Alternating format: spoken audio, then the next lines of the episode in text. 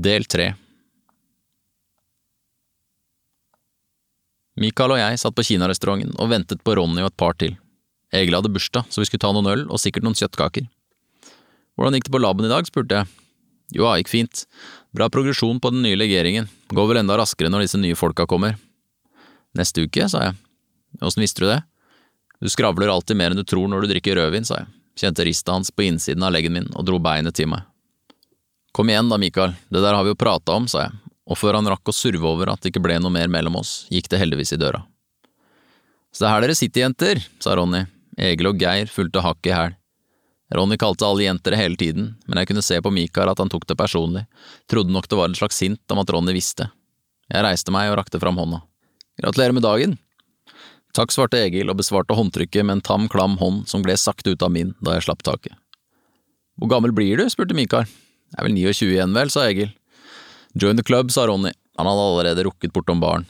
Det er blitt stamplassen din der, sa han idet han satte ølen ned foran meg. Ja, jeg liker utsikten. Det er vakkert, ja, men når du har bodd her noen år, så er den bare der.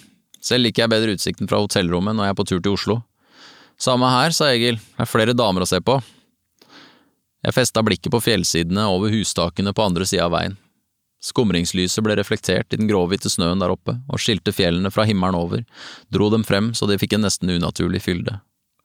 Jeg hadde vært der oppe tidligere i vinter, kjørt bilen opp så langt jeg kom og gått resten, vasset gjennom pill råtten snø til jeg sto på kanten av et stup og speidet utover bygda, kunne se lastebiler og mopeder, langt der nede, men hørte bare tinnitus, alene med tankene mine.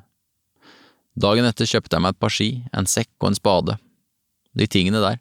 Komme meg ut, få alt på avstand, planlegge, slappe av. Du tar en til du, Ivan? Jeg skvatt siden Ronny slo meg i ryggen med flat hånd. Egil satt ved siden av ham og lo. Herregud, for en dagdrømmer. Vil du ha en øl, sa jeg. Ja, jeg tar gjerne en til, svarte jeg og helte nedpå den halve ølen som fortsatt sto foran meg på bordet. Jeg kunne så vidt skimte himmelen over fjelltoppene, det mørke blå mot det mørke hvite, universet mot snøen. Månen var i ny og skinte sterkt, men var for smalt at det gjorde så mye fra eller til i natten. En ugle gled sakte over dalen, høyt over meg, på vei til den andre siden. Selv fra 30 meters høyde kunne den se en liten mus i snøen, stupe ned og plukke den med seg. De visste at de ble observert, musene, at det når som helst kunne komme et sett med klør gjennom taket og dra dem med seg opp i lufta, vekk fra hjemmet, familien. Men hva annet kunne de gjøre enn å leve med det? Hva annet kan vi selv gjøre, aldri usett, alltid under observasjon fra noe eller noen. I FSB så vi alt, hadde kameraer overalt. Pulten min var omringet av skjermer, jeg kunne følge et mål gjennom hele byen, på video, med lyd, hele dager satt jeg og lyttet til samtaler mellom fremmede, vurderte, analyserte, og om noen røpet hvem de var glad i, hvem de elsket, var vi der også, med overvåkningsbilder og lyd fra leiligheten til en elsker eller en elskerinne. Vi lagret alt, og inntil vi kanskje fikk bruk for det i fremtiden, bare lå det der. Ikke som en del av et minne, en bestanddel i en opplevelse, men som gjenstand for automatisert analyse, granskning, konklusjoner basert på alt og ingenting. For apparatet, maskinene, var vi bare rent fysisk minne, noe som tok opp plass uten å bety noe mer enn det. Grønn lyng stakk gjennom snøhulens kalde, hvite vegger. Jeg hadde gravd meg inn i en høy fonn som vinden hadde fokket opp langs ei grøft, dypt nok til at jeg kunne grave meg inn og bort. Jeg hadde lest meg opp på nettet før jeg dro, laget kullgrop og tent telys som både varmet og sluknet om det skulle bli for lite oksygen i hula, det kunne skje, åpningen var bitte liten og kunne tette seg i løpet av natta. Vannet i kjelen på gassbrenneren nede i gropa begynte å røre på seg, og det var allerede ganske varmt til tross for de ti minusgradene på utsiden. I en dokumentar jeg hadde sett, insisterte en gjeng med inuitter på at en iglo kunne varmes til 15 varmegrader, bare med kroppstemperatur. Nå dro man ut på viddene med store telt og ovner trukket på pulker bak snøscootere, lengre, dypere inn i naturen, og om en snøscooter streika gikk tom for bensin, var det ingen vei tilbake, men hadde gjort seg helt avhengig av teknologi som når som helst kunne slutte å fungere, innta nye former, teknologi som du ikke selv eide eller kontrollerte, i motsetning til liggeunderlaget jeg satt på og spiste chili con carne, det var analogt, forutsigbart, lojalt. Og maten var ikke så verst, den heller, real turmat. Hadde vi hatt det i forstedene da kampene raste som verst, ville kanskje gutta klart seg bedre. Ris og gryn ga ikke det helt voldsomme overskuddet. Vi sloss mest mot andre soldater, hadde sjelden trefninger med dronene som overvåket bykjernen og beskyttet apparatets stopper. Og godt var det. Dronene var det nærmest håpløst å krige mot. De trengte verken søvn, varme, lys eller håp. De trengte bare et oppdrag, en algoritme, så lettet de og suste rundt på utømmelig fusjonsdrivkraft med ubegrenset regnekapasitet og sensorer som analyserte genprofilen din, sjekket om du hadde skrumplever og regnet ut sannsynligheten for at du kom til å dø av kreft eller noe annet, og av og til, om de så at du likevel var i ferd med å dø, så drepte de deg ikke. De lot deg ligge og brenne, blø, mens de svevde med en knapt hørbar brumling i lufta over deg og kringkastet dine siste minutter i 360 graders VR tilbake til apparatet. Taket hadde sunket en halvmeter i løpet av natta. Da jeg våknet, måtte jeg rulle meg rundt og sparke meg ut. Det var lyst, jeg hadde sovet tungt, lenge, helt uten mareritt. Jeg tok med meg stormkjøkkenet, liggeunderlaget og frokosten, spente på maskinen og stavret meg et stykke inn mot midten av dalen, der jeg brukte spaden og pakket sammen nok snø til en liten krakk. Egg og bacon i friluft, alene i stillheten, en følelse av fred, den lille tiden det varte. Trykket begynte som regel i mellomgulvet og spredte seg til hele mageregionen, før det nådde hodet, og alt jeg kunne se, høre, føle, var mennesker som skrek, halve markspiste ansikter, eksplosjoner, støv, mørke og sult. Solen varmet i ansiktet, men jeg sanset likevel fukt, rikosjetter og droner. Jeg så kornet på pistolen midt i ansiktet på en mann med hendene over hodet, hjernen hans på veggen bak ham, klokken og ammunisjonen jeg stjal fra liket. Jeg måtte sette meg på kne i snøen, la hendene på knærne, haken på brystet og messet for meg selv. Alt som er er nå, nå er alt som er, alt som er er nå, nå er alt som er. Pustet, mediterte, fortsatte, forsøkte å ikke tenke på noe som helst, lot tankene flyte, bare kjente på pusten i brystet. Etter hvert roet angsten seg, og jeg kjente varmen i panna, i ansiktet, kulden fra bakken mot knærne mine. Den nye hulen var for et palass å regne. Jeg hadde gravd til svetten rant, sto i bar overkropp og kastet snø over skulderen. Hadde det ikke vært for at jeg møtte bakken i bunnen av kuldegropa, kunne jeg stått oppreist i midten. Jeg hadde plassert liggeunderlaget litt opp etter veggen og satt i en ganske komfortabel leseposisjon med beina pakket inn i soveposen og dokumentene om Hydro og Finn Sæter foran meg. Hvor vesentlig var han, egentlig? De fleste store oppfinnelser har skjedd flere steder samtidig, som om menneskeheten går svanger med én stor idé sammen, og så springer den ut flere steder på en gang. Begrensningen for dem alle var tilgangen på ressurser. Så vidt vi visste, var det ingen med Sæters hjerne som hadde tilgang på samme ressurser og grunnforskning. Ifølge dokumentene hadde Hydro en lang historie med salg av livsutslettende teknologi til totalitære regimer. Israel, India og til og med Ceaucescos Romania. De solgte ukritisk tungtvann til alle som ville ha det, og sendte til og med en ingeniør til India for å hjelpe dem med å bygge sin egen tungtvannfabrikk. Det visste jeg fra før, men at Norge ga forskere fra Jugoslavia, Egypt og Sør-Afrika full tilgang til plutoniumsteknologi utviklet på det norske atomsenteret, var nytt for meg. Det var altså ikke så rart at fusjonsteknologien de senere utviklet, fant veien til Russland og gjorde landet til en supermakt. Men med de nye opplysningene jeg hadde funnet om Sæter, kunne jeg ikke få meg til å tro at han hadde latt det skje uten protester. Idrettsmann og skolenerd, frivillig hos Røde Kors og Kirkens Bymisjon. Det ene avisutklippet viste en ung mann på gamlehjem, smilende med en bok i hånden. En gang i uken er Finn, 14, på Hitra sykehjem og leser for de eldre. Senere praktikant hos Statens strålevern og Lockheed Martin mastergrad fra Massachusetts Institute of Technology, fysiker, programmerer og metallurg. Så vidt vi visste, ble ikke lignende teknologi utviklet før nesten 15 år senere, i Brasil. Så til tross for 14-årige Finns omsorg for Hitras eldre, var det kanskje ingen annen utvei enn den opprinnelige planen. Jeg la fra meg papirene og snørte igjen soveposen. Det kom ikke lenger frostrøyk fra munnen, i kuldegropen blafret telys svakt i trekken fra åpningen. Ivan! Ivan Ivanovic! Jeg kavet meg ut av soveposen og skulle til å dra på meg buksene idet en fuglehund krafset seg gjennom den tynne døra og hoppet logrende og bjeffende opp i fanget på meg. Like bak kom det en mann i Røde Kors-vest. Er alt i orden her. Ja, skulle det ikke være det, svarte jeg. Du er meldt savnet. En Ronny ringte og sa at du dro ut i går og ikke kom hjem til avtalt tid. Vi har et par scooterpatruljer ute og leter etter deg. Jeg har det fint, jeg, ja, altså. Det er godt å høre. Han trakk hodet ut av hulen igjen, og jeg kunne høre ham melde over walkietalkien at alt var i orden. Ja ja, riktig, sa han. Ja da, enda en nybegynner som ikke har sagt hvor han skal og når han kommer hjem. Men han har i hvert fall gravd seg ned, da. Etterpå måtte jeg nærmest insistere på at alt var i orden, og at jeg gjerne ble natten over. Bikkja gikk løs på sekken min og dro ut en pakke med bacon. Nei, Bolt, slipp! sa Røde Kors-mannen. Bolt slapp, pakken var full av sikkel og hull. Sorry, han mangler litt trening fortsatt. Har du noe annet å spise, eller? Det går bra, jeg har spist verre, sa jeg. 20. april 2015, Alexei's fødselsdag. På et sykehus i utkanten av Moskva ligger moren hans og skriker, det er nesten tomt for smertestillende, og de dyktige legene har for lengst rømt til privat sektor eller ut av landet. Jeg ligger på sofaen og leser nettaviser, har jobbehelg, men skal ikke på før kveldsskiftet. Vestlige aviser skriver om den russiske invasjonen av Ukraina, om at Putins bombefly patruljerer grensene mot NATO, at Putin aktivt styrer mot en verden i konflikt. Russiske medier skriver om Natos provokasjoner, at bombeflyene beskytter det russiske folket fra Vestens stormannsgalskap og manipulasjon. Og mens alle krangler konflikten stadig større, uten å snakke sammen, uten å lytte, verken til hverandre eller til folkeopinionen, ligger hun altså der og gir liv til min Aleksej mens hun sakte mister sitt eget.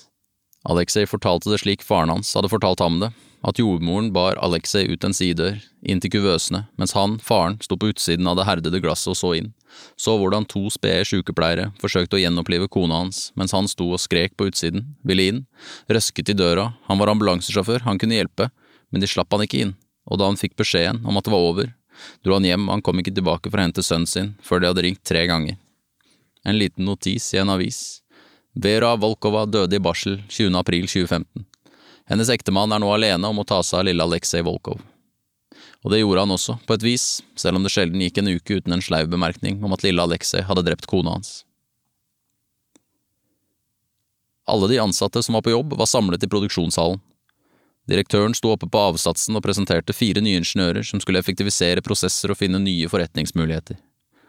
Fremtiden var mer automatisering og høyere kompetanse. To av de nye hadde chinos og blazer, direktøren dress. Alle gutta på gulvet hadde overaller og gule hjelmer. Det så ut som de gjorde på en hvilken som helst samling etter rekordomsetning eller i forkant av innskjerpelser. Direktøren tok en pause, så på forsamlingen over kanten på lesebrillene sine, før han kremtet og fortsatte. Vi står sterkere rustet enn noen gang, sa han. Vi er forberedt på de utfordringene som kommer. For ikke mange år siden merket vi konkurransen fra Kina og Romania, men markedet har innsett at kompetansen er å finne i Norge. Ingen leverer et like godt produkt, ingen har like ren produksjon, ingen har like fantastiske arbeidere. Den siste setningen fikk spredt applaus. Han avsluttet med å si at det var pizza og øl i kantina, så vi kunne bli litt kjent med de nye gutta. Men verken han eller så mange andre var å se da jeg ruslet bort litt over fem. Ved et av langbordene satt Finn med en øl. Han reiste seg og rakte ut hånda. Finn Sæter, sa han, Fingrene mine strakte seg nesten helt rundt den lille hånda hans. Ivan Ivanovic. Kult at du kom ned, det er ikke så mange her ennå, folk har det vel travelt. Ja, det er en del som har dratt hjem til bleieskift og middag, sa jeg. Så hva gjør du her på fabrikken, da? Nei, prøver å lage noe aluminium, da, svarte jeg.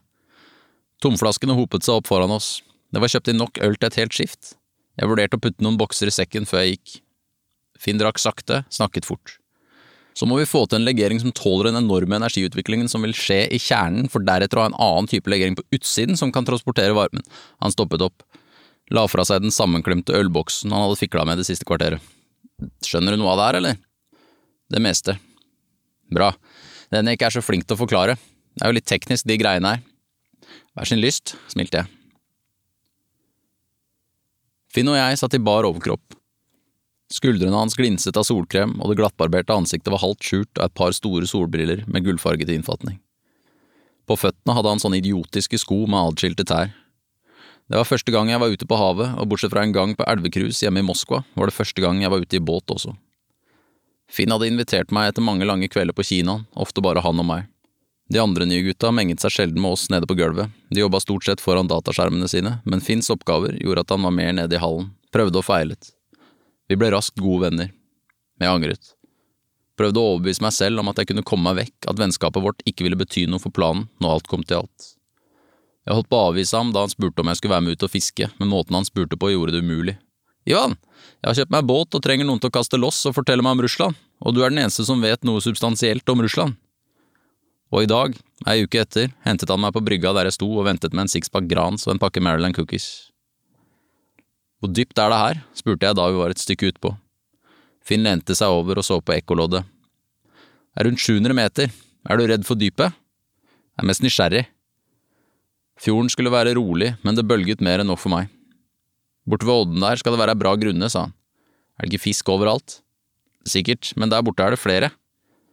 Han sakket farten på båten og styrte oss nærmere land. Har du kjørt mye båt, eller? Tuller du, jeg har jo vokst opp på Hitra. Han så på meg og lo litt før det gikk opp for ham at jeg aldri hadde hørt om Hitra. Det er en øy utenfor Trondheim, alle har båt der. Forstår, nikket jeg og rettet på redningsvesten. Vil du ha en kjeks? Nei takk, de der legger seg rett på Birkentida mi. Han stakk hånda ned i sekken han hadde stående ved føttene sine og kastet et eple til meg. Jeg så på eplet i den ene hånda og kjeksen i det andre. Jeg hadde vært her så lenge nå at jeg hadde blitt godt vant til matveien, men jeg sløste aldri, kjøpte bare det jeg trengte, og jeg ble fortsatt forundret når jeg ble stilt overfor slike valg. Det føltes ikke som om det var lenge siden jeg spente opp en presenning for å samle nok dugg til å få liv i en halv stridsrasjon. Faen heller, mumla jeg og kasta kjeksen over bord.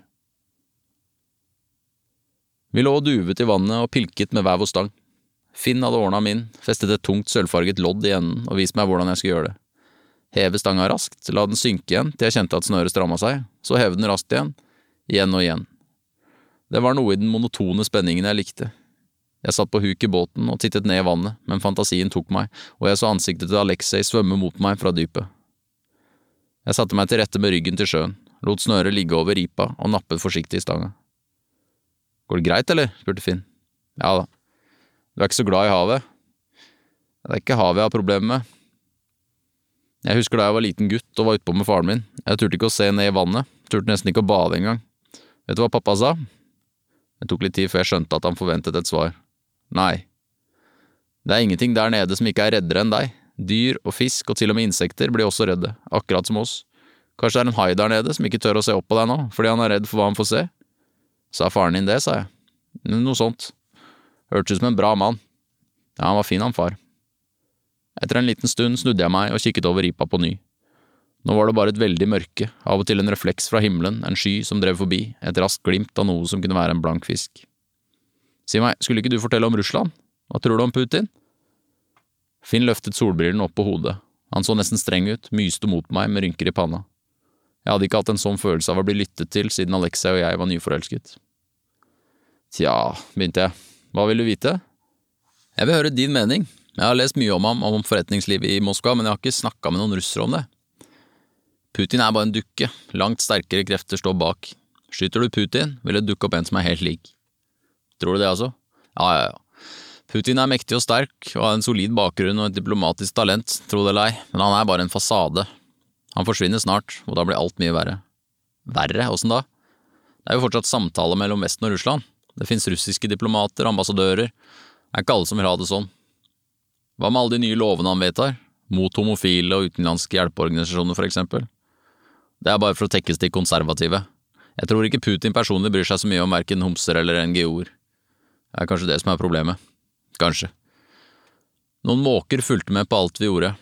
De hadde vært der en stund, men nå var de nærmere, nesten like over båten. Merkelig stille sirklet de rundt oss og ventet på at noe skulle skje. Se på tullingene, de tror vi har fisk til dem, sa jeg. Nei, men de vet at det er fisk under oss, det kan hende de ser stimen. Å, jeg har bare sett dem spise kebab i sentrum. Finn lo. Like etter ble stanga nesten røsket ut av hånda. Sveiv, da, ropte han. Det var så vidt jeg klarte å holde igjen. Tror du det er en hai eller noe, spurte jeg. Kan godt være en liten hai. Liten, da vil jeg ikke ha en stor hai på kroken. Gi meg den, sa Finn, som så at jeg ikke visste hva jeg gjorde. Han dro, sveivet inn litt snøre, dro litt til, sveivet. Sånn gjør du det, sa han, da får du den opp. Jeg gjorde som han hadde vist meg. Det var tungt arbeid, og jeg turte ikke å titte ned i sjøen, i frykt for å falle over bord. Finn derimot hadde ansiktet nesten nede i vannet. Jeg ser den, det er en svær torsk. Ikke hai, altså, sa jeg og lente meg ut litt, jeg òg. Og der nede var den. Den vred og kastet på seg, viste den sølvfargede buken i det ene øyeblikket, de skrekkslagne øynene i det andre. Etter enda noen minutter med sveiving hadde jeg den oppe i overflata. Den kastet seg rundt så vannet sprutet. Hold den der, så klipper jeg den, Finn hadde hentet fram en fæl krok med et langt håndtak fra en av lukene i båten, lirket den innunder den ene gjellen til fisken og slengte den opp i båten, satte seg skrevs over og bløgget den med en skarp kniv. Blodet rant seigt utover dørken og la seg rundt skosårene mine. For en skjæring! ropte han. Slutter han å sprelle snart, eller? De spreller alltid litt etter at de er døde, det er muskelkrampe bare. Ja, når du sier det, så har jeg sett det før.